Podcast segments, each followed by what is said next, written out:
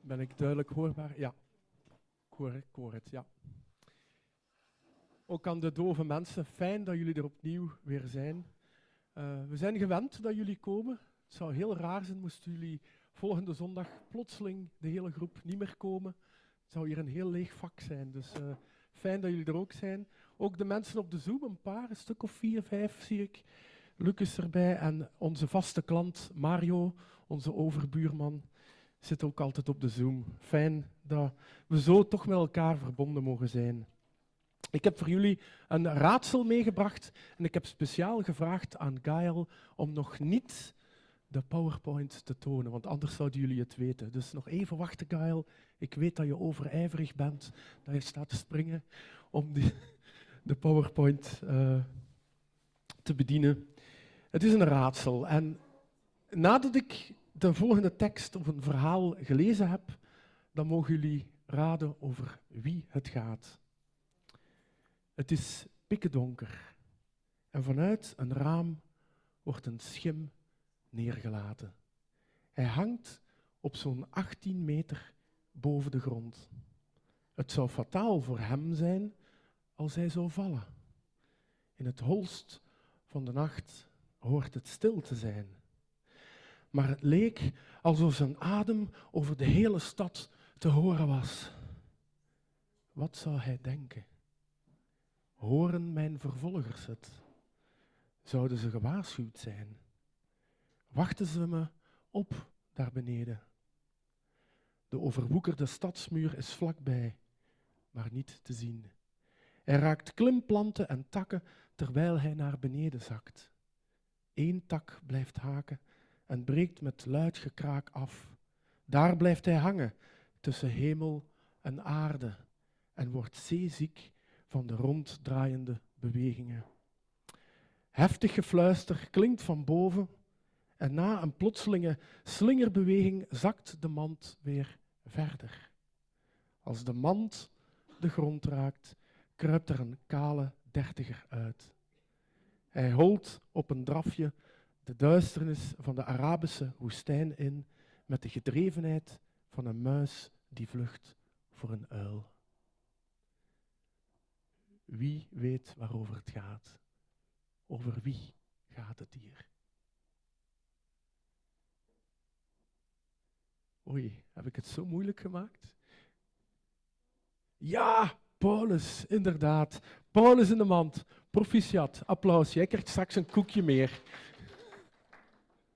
Paulus. En u weet het of u weet het niet, maar het is afgesproken in Vlaanderen. Deze, dit weekend, deze zondag, wordt er speciaal gedacht aan de vervolgde kerk. En vanmorgen het thema, en dan mag de PowerPoint wel aangezet worden, Gael, is het thema de mand van vervolging. Ik dacht eerst de mand van Paulus, maar ik heb het uiteindelijk toch de mand van vervolging genoemd. En u ziet daar het verhaaltje, het raadsel dat ik juist gelezen heb. We gaan ook lezen uit Handelingen 9, Handelingen 9, vers 19 tot 25.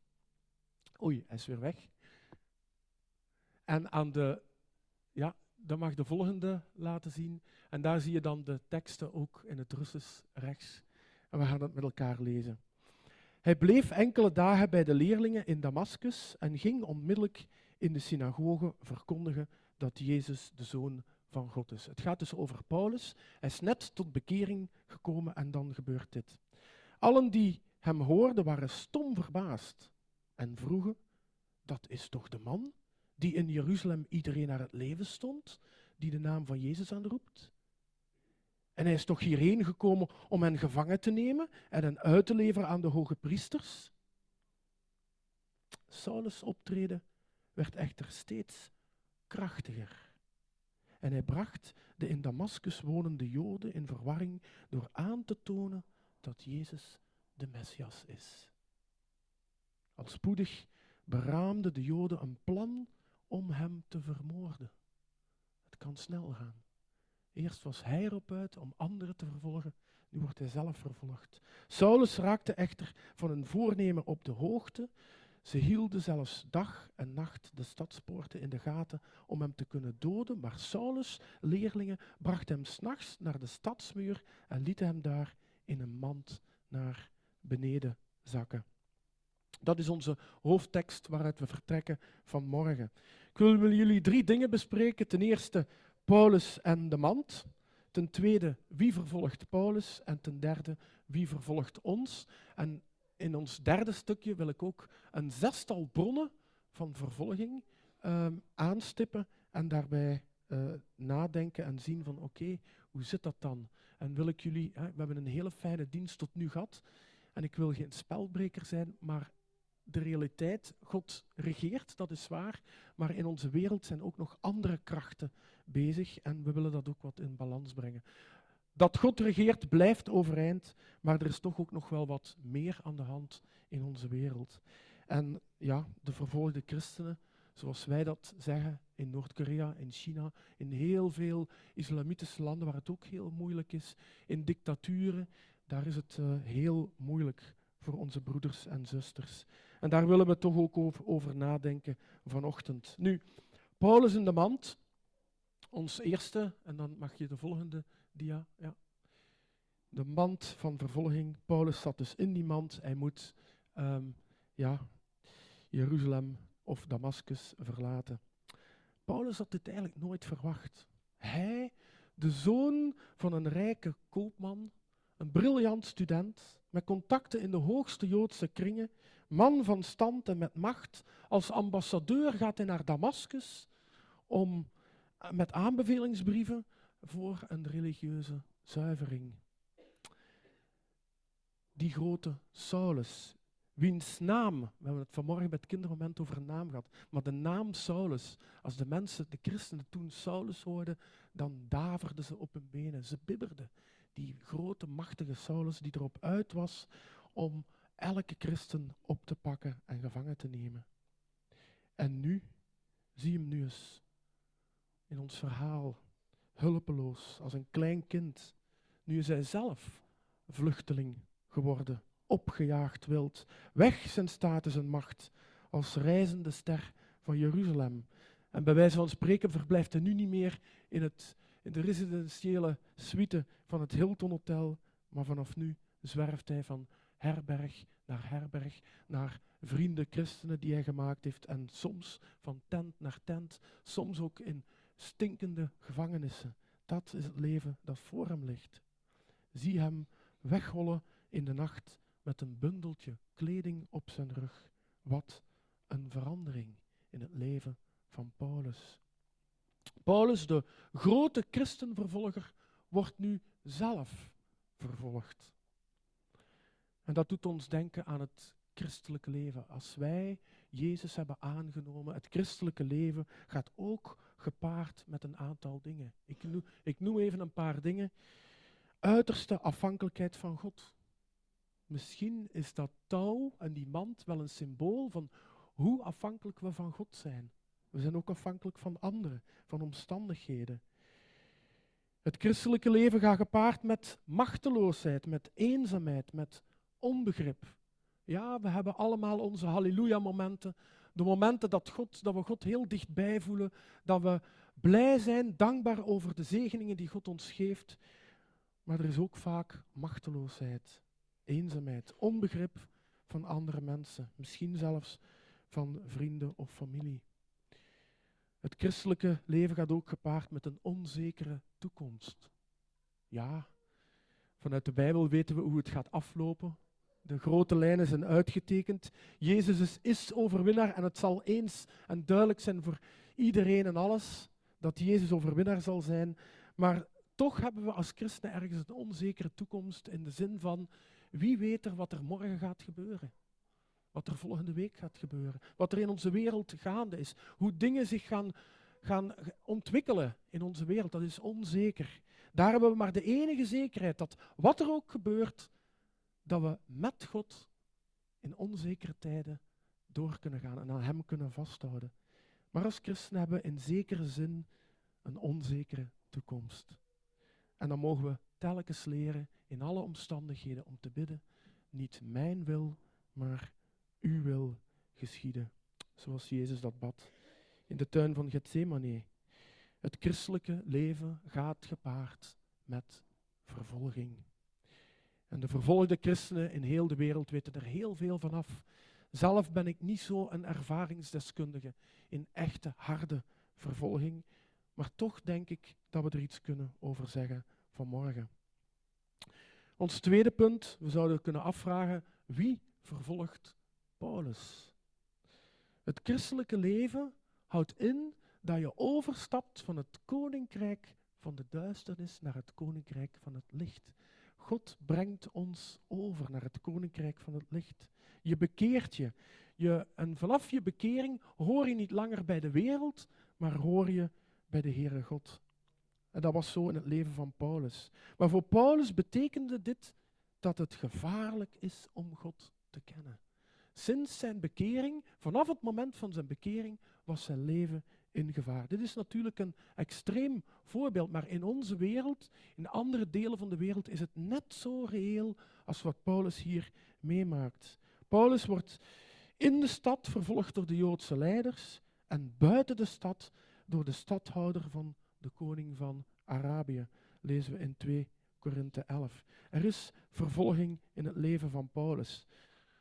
En aan de hand van die vraag kunnen we, ons, kunnen we denken van ja, wie vervolgt er dan ons? Is ons leven dan ook zo direct in gevaar als met Paulus? En ik denk dat we daar nee moeten op antwoorden. Onze situatie is anders. Gelukkig maar hier in België, in Gent in 2023. Wat de toekomst brengt, weten we niet. Wat er nog kan komen, uh, het kan, op tien jaar kan er heel veel veranderen. Maar nu, op dit moment, maken we niet mee wat Paulus meemaakt.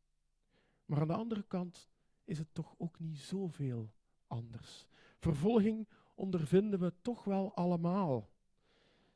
We zitten allemaal een beetje in hetzelfde bootje. We zitten allemaal in dezelfde mand van Paulus. Waarom? Omdat Christus volgen is eigenlijk een gevaarlijk evangelie verkondigen. Net als de eerste Nieuwtestamentische kerk. En in 2 Timotheus 3 lezen we in vers 12. Trouwens, alle die in Christus godvruchtig willen leven, zullen vervolgd worden. Met andere woorden, christenen zitten altijd wel ergens in moeilijkheden. Er is altijd wel iets aan de hand. Er is altijd wel wat tegenstand in het geloof. Sommigen zullen zeggen, ja, Chris, dat is waar, maar wij, wij merken daar toch niet veel van. Ik leef in een vrij land. Ik heb mijn eigen Bijbel in mijn eigen taal. Ik kan vrij aanbidden. We kunnen hier vrij samenkomen in onze kerk zonder dat de politie komt controleren of uh, onze paspoort vraagt, onze identiteitskaart. Uh, ik mag zeggen op straat wat ik denk. We, hebben niet veel, we zullen ons niet snel oppakken. En dat is een goed punt. Dat is fijn dat we in zo'n vrij land leven. Maar de Bijbel laat zien dat vervolging veel meer is. Vervolging is een geestelijk fenomeen en komt uit meer bronnen voort dan alleen maar van bovenaf de regering. Het is fijn dat we vrijheid hebben in het land, maar vervolging is meer dan dat, een geestelijk fenomeen. In het Nieuwe Testament ontdekken we zes bronnen van vervolging. En ik wil die toch redelijk kort, uh, we gaan er snel doorgaan, uh, aanstippen. En we zullen zien dat, het, dat dat wel ergens herkenbaar is. En misschien zegt u, goh, die eerste vijf bronnen die we zullen zien, daar vind ik niks herkenbaar.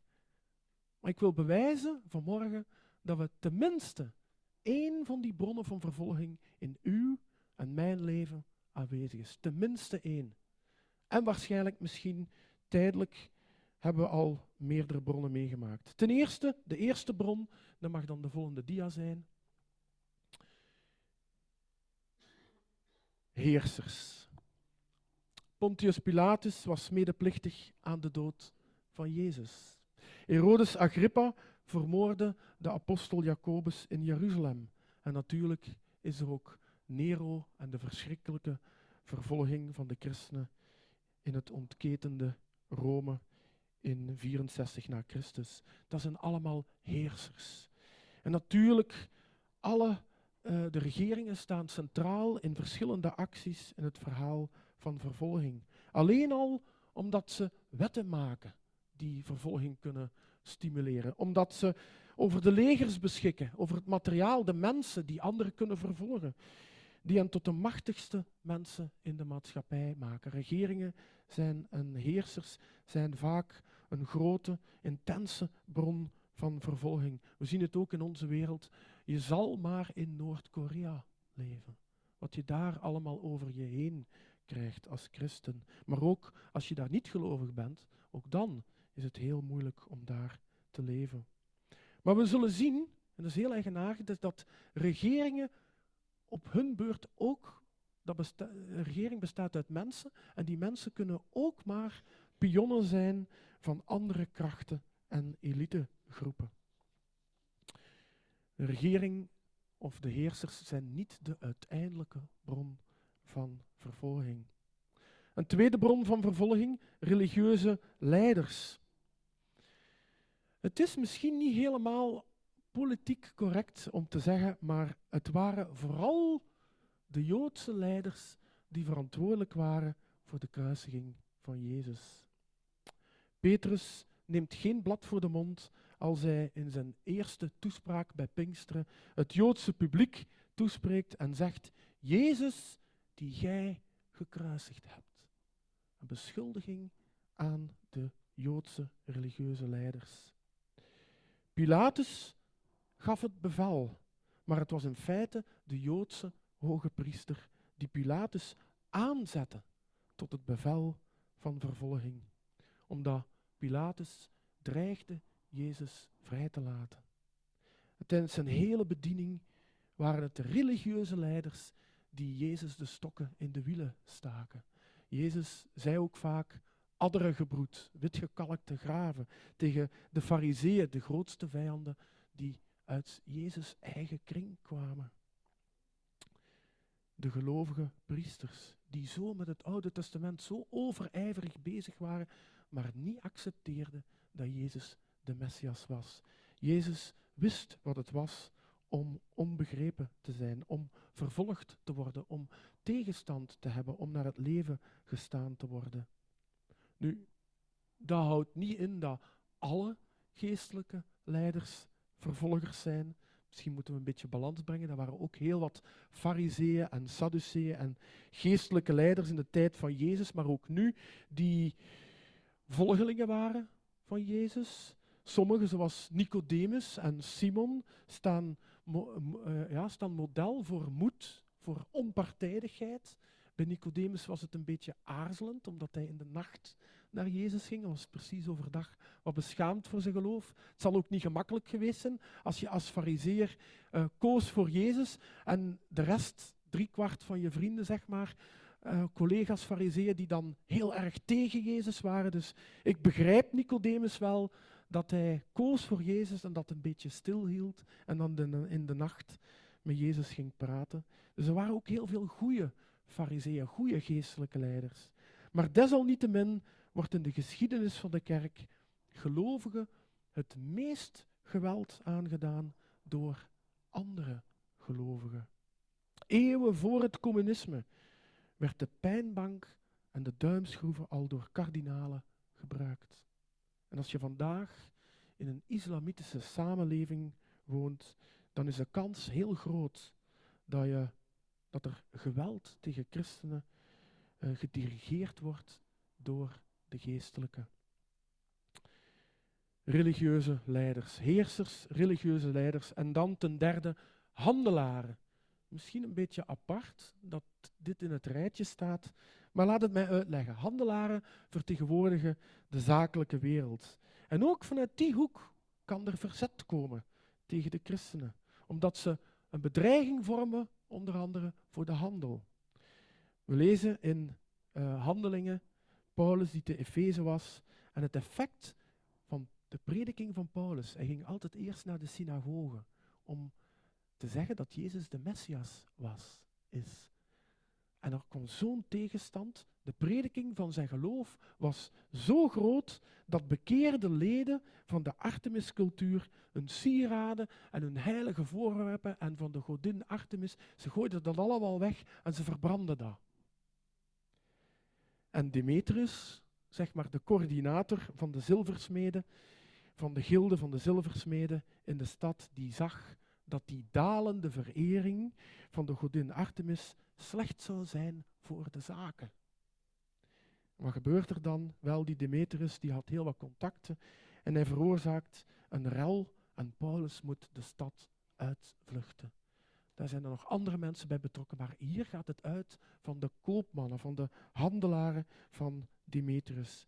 Ook vanuit de zakelijke wereld kan er, en met geld, je kunt christenen ook geld ontzeggen, uh, je kunt christenen vervolgen omdat ze zo gezegd economische schade zouden toebrengen, zoals dat met het geval van Paulus was. Handelaren kunnen ook een bron van vervolging zijn.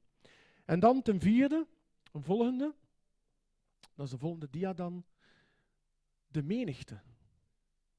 Menigte, vergis u niet, menigte spelen vaak een grote rol in christenvervolging als het een regering of een elitegroep niet lukt, als het een elitegroep niet lukt om de overheid te overtuigen. Menigte zijn makkelijk te manipuleren. Dat is iets dat, dat, dat mij heel vaak. Uh, ik, ik, denk daar vaak over na als ik het nieuws kijk. Ik ben een fervent nieuwskijker. Soms kijk ik twee keer per dag het nieuws. Het is een beetje mijn verslaving.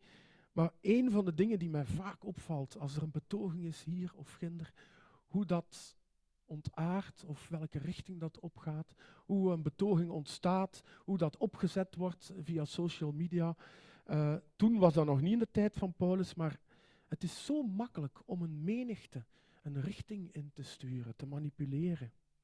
Het kunnen gelovigen zijn die zich hebben laten opzwepen door vurige toespraken, of het kunnen woestelingen zijn die bereid zijn ernstig letsel toe te brengen. Het wordt vaak ook, het, loopt uit op geweld. Een menigte kan soms een gruwelijk monster worden. Zoals Paulus, opnieuw, Paulus staat hier wel veel in de aandacht, is zijn leven van vervolging geweest. En hij heeft heel veel meegemaakt, ook in Handelingen 17, vers 5. In Thessalonica, daar staat er, maar de Joden werden afgunstig, de Joden werden jaloers en namen enkele van het minste straatvolk te hulp, veroorzaakten een oploop en brachten de stad in rep en roer. De Joodse geestelijke leiders waren heel uitgekiend in het bespelen van de menigte.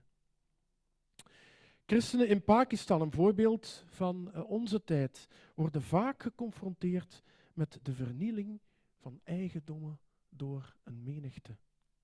Iemand van het werkveld zei in 2008, dat is nog niet zo heel lang geleden, ik verbaas mij erover hoe snel een menigte bijeen kan komen in Pakistan. Drie zinnen van de mullah dat is een geestelijke, islamitische geestelijke. Drie zinnen van de moela bij het vrijdaggebed zijn genoeg om in vijf minuten duizenden mensen te laten samenstromen, vastbesloten om de christenen een lesje te leren. Dit gebeurt vandaag. Een menigte. Een menigte kan een instrument, een bron van vervolging zijn. Onze vijfde bron van vervolging. En dan komen we bij de belangrijkste bron, maar eerst nog de vijfde bron van vervolging, familie.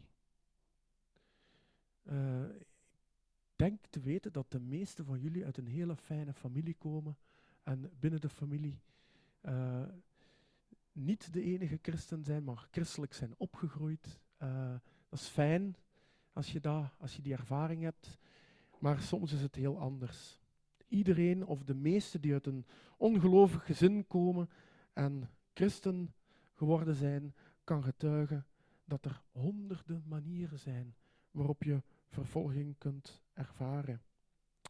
De tekst van Jezus is sprekend, Matthäus 10. Want ik ben gekomen om tweedracht te brengen tussen een man en zijn vader, en tussen een dochter en haar moeder, en tussen een schoondochter en haar schoonmoeder, en iemands huisgenoten zullen zijn vijanden zijn. Dit, dit, is, dit is heel heel direct, een hele directe uitspraak van Jezus. Ik denk dat het te maken heeft met als je tot geloof komt, en ik ben tot geloof gekomen in 1991, en ik was de enige gelovige in de familie op dat moment. En sommigen begrepen het niet, en anderen waren er heel erg tegen. Mijn vader dacht dat ik in een secte beland was. En ja, dat heeft een tijd geduurd voordat het doordrong dat ik echt was christen geworden, dat het een keuze was voor mijn hele leven. In het begin geloofden sommigen het niet. Uh, maar ik stond alleen en ik had het echt het gevoel van onbegrip, een stukje eenzaamheid dat je meemaakt omdat je de enige gelovige bent. Natuurlijk heeft God heel veel broers en zussen gegeven. Ik ben in de gemeente van Landen zo liefdevol ontvangen. Ik heb, ik, het voelde eigenlijk een beetje alsof ik een deel van mijn familie kwijt was, maar ik er heel veel familie bij kreeg. Maar zo is het in islamitische landen nog veel meer. Uh, ik heb verhalen gehoord van mensen die in een, in een streng islamitisch land, want je hebt ook landen waar het wat uh, gematigder is, maar in een streng islamitisch land, denk maar aan Iran bijvoorbeeld, daar uh, als je tot geloof komt, je wordt uitgestoten uit de familie. Dus niet alleen het huis uit, maar je, je wordt bijna vogelvrij verklaard in streng islamitische landen. En dan zijn deze verzen wel heel reëel. Maar ook als je niet in Iran leeft en je leeft hier, kan het zijn dat als je de enige christen of je komt tot geloof, dat dat dynamieken in de familie verandert en dat dat ergens, ja, ik ervaar dat tot de dag van vandaag. Mijn broer is ook geen christen en ik heb geen slechte relatie met hem, eerder misschien wat aan de oppervlakkige kant. Uh, maar als ik over het geloof, over wat, wat ik meemaak met Jezus en met God, ik kan, daar niet, kan dat niet uitleggen. Daar is ergens een, een scheiding en er is onbegrip. En mijn broer luistert daar ook niet naar, heeft daar niet zo veel boodschap aan. Dus eigenlijk kan ik bij hem niet terecht. Is dat vervolging? Oh, dat is ook weer zo'n zwaar woord, maar het is toch een stuk eenzaamheid als christen, een stuk onbegrip waar je doorheen moet. En dat kan pijnlijk zijn als dat juist je, in je familie is, dat je heel dichtbij verwacht van ja, mijn familie steunt mij, maar dat je op dat vlak dan ja, juist die steun niet ervaart en dat je precies ervaart of je in twee verschillende werelden leeft.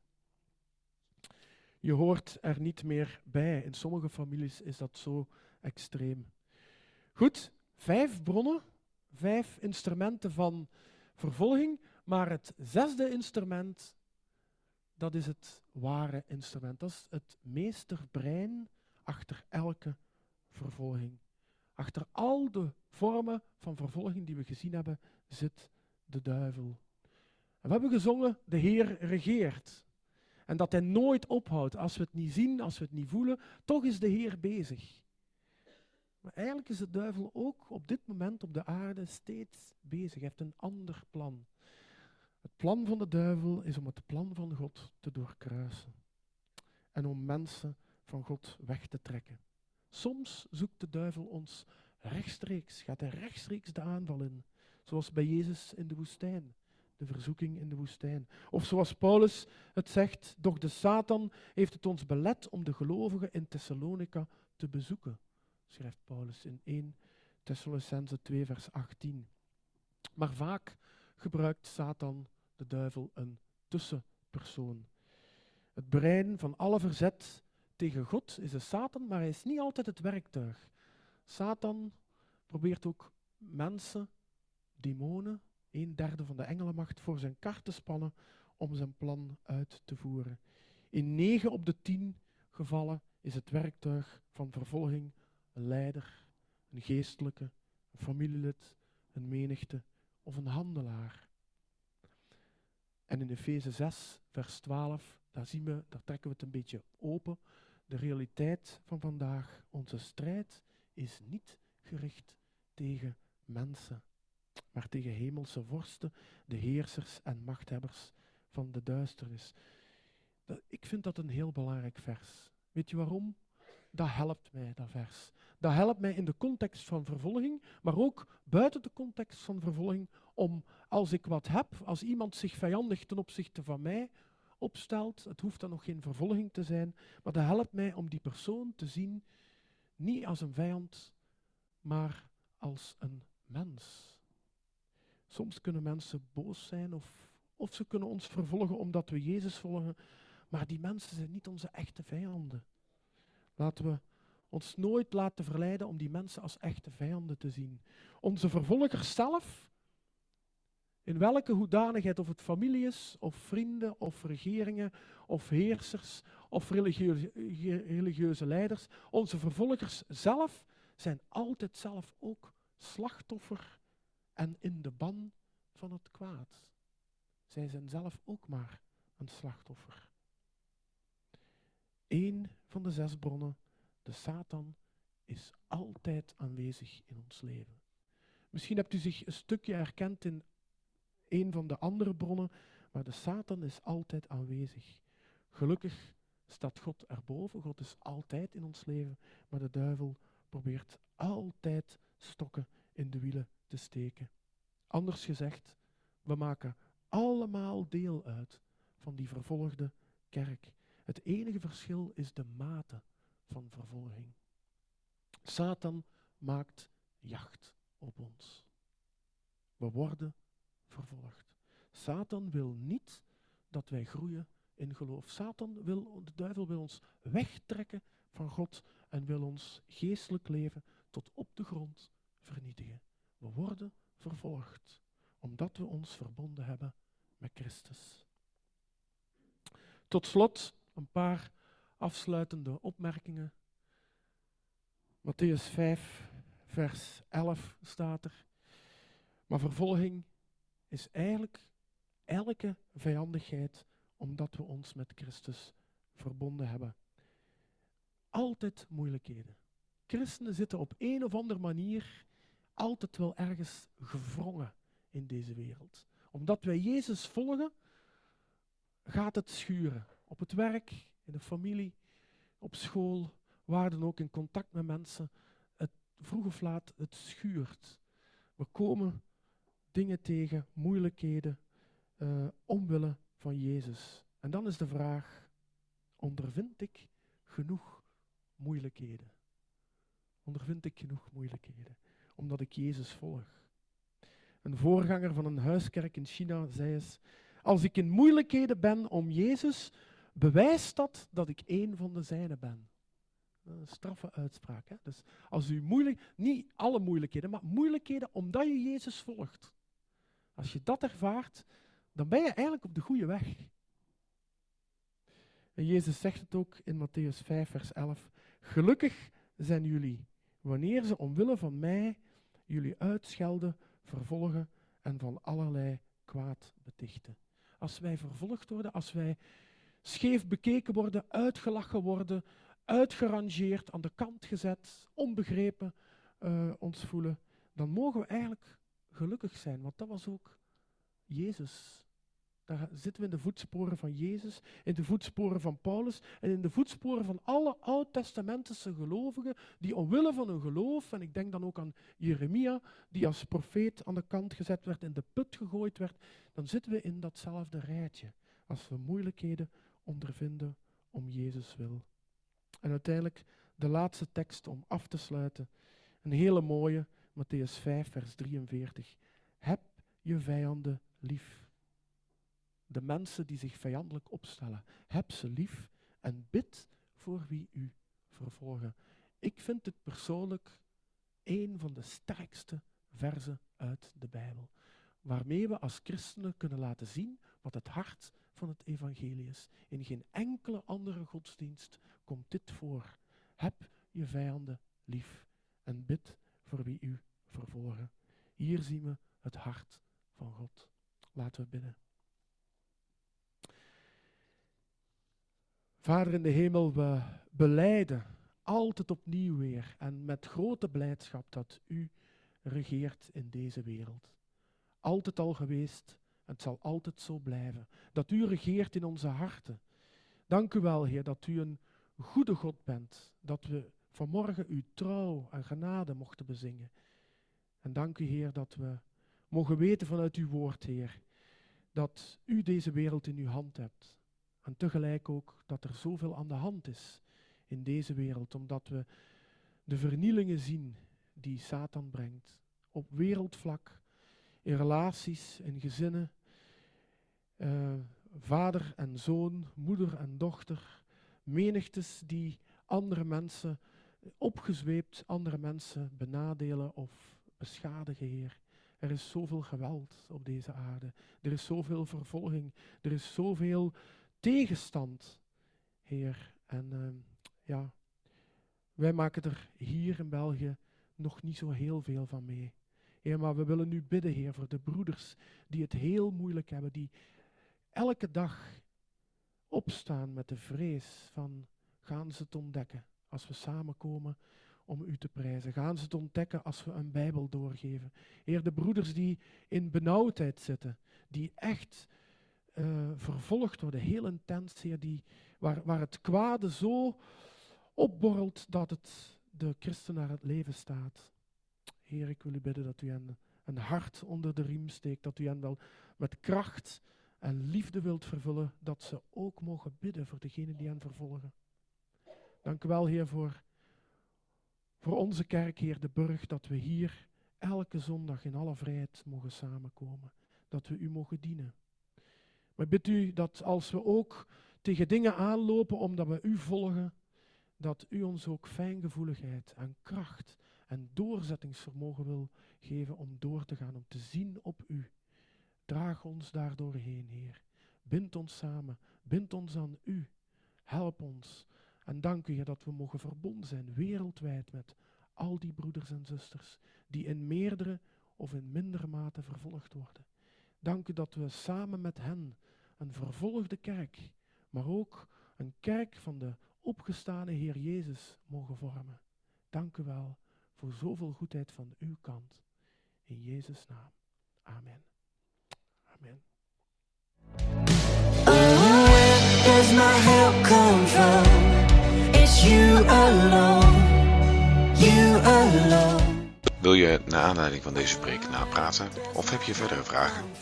Neem dan gerust contact op. Dat kan via veg.deburg.gmail.com of kijk op onze Facebookpagina VEG De Burg.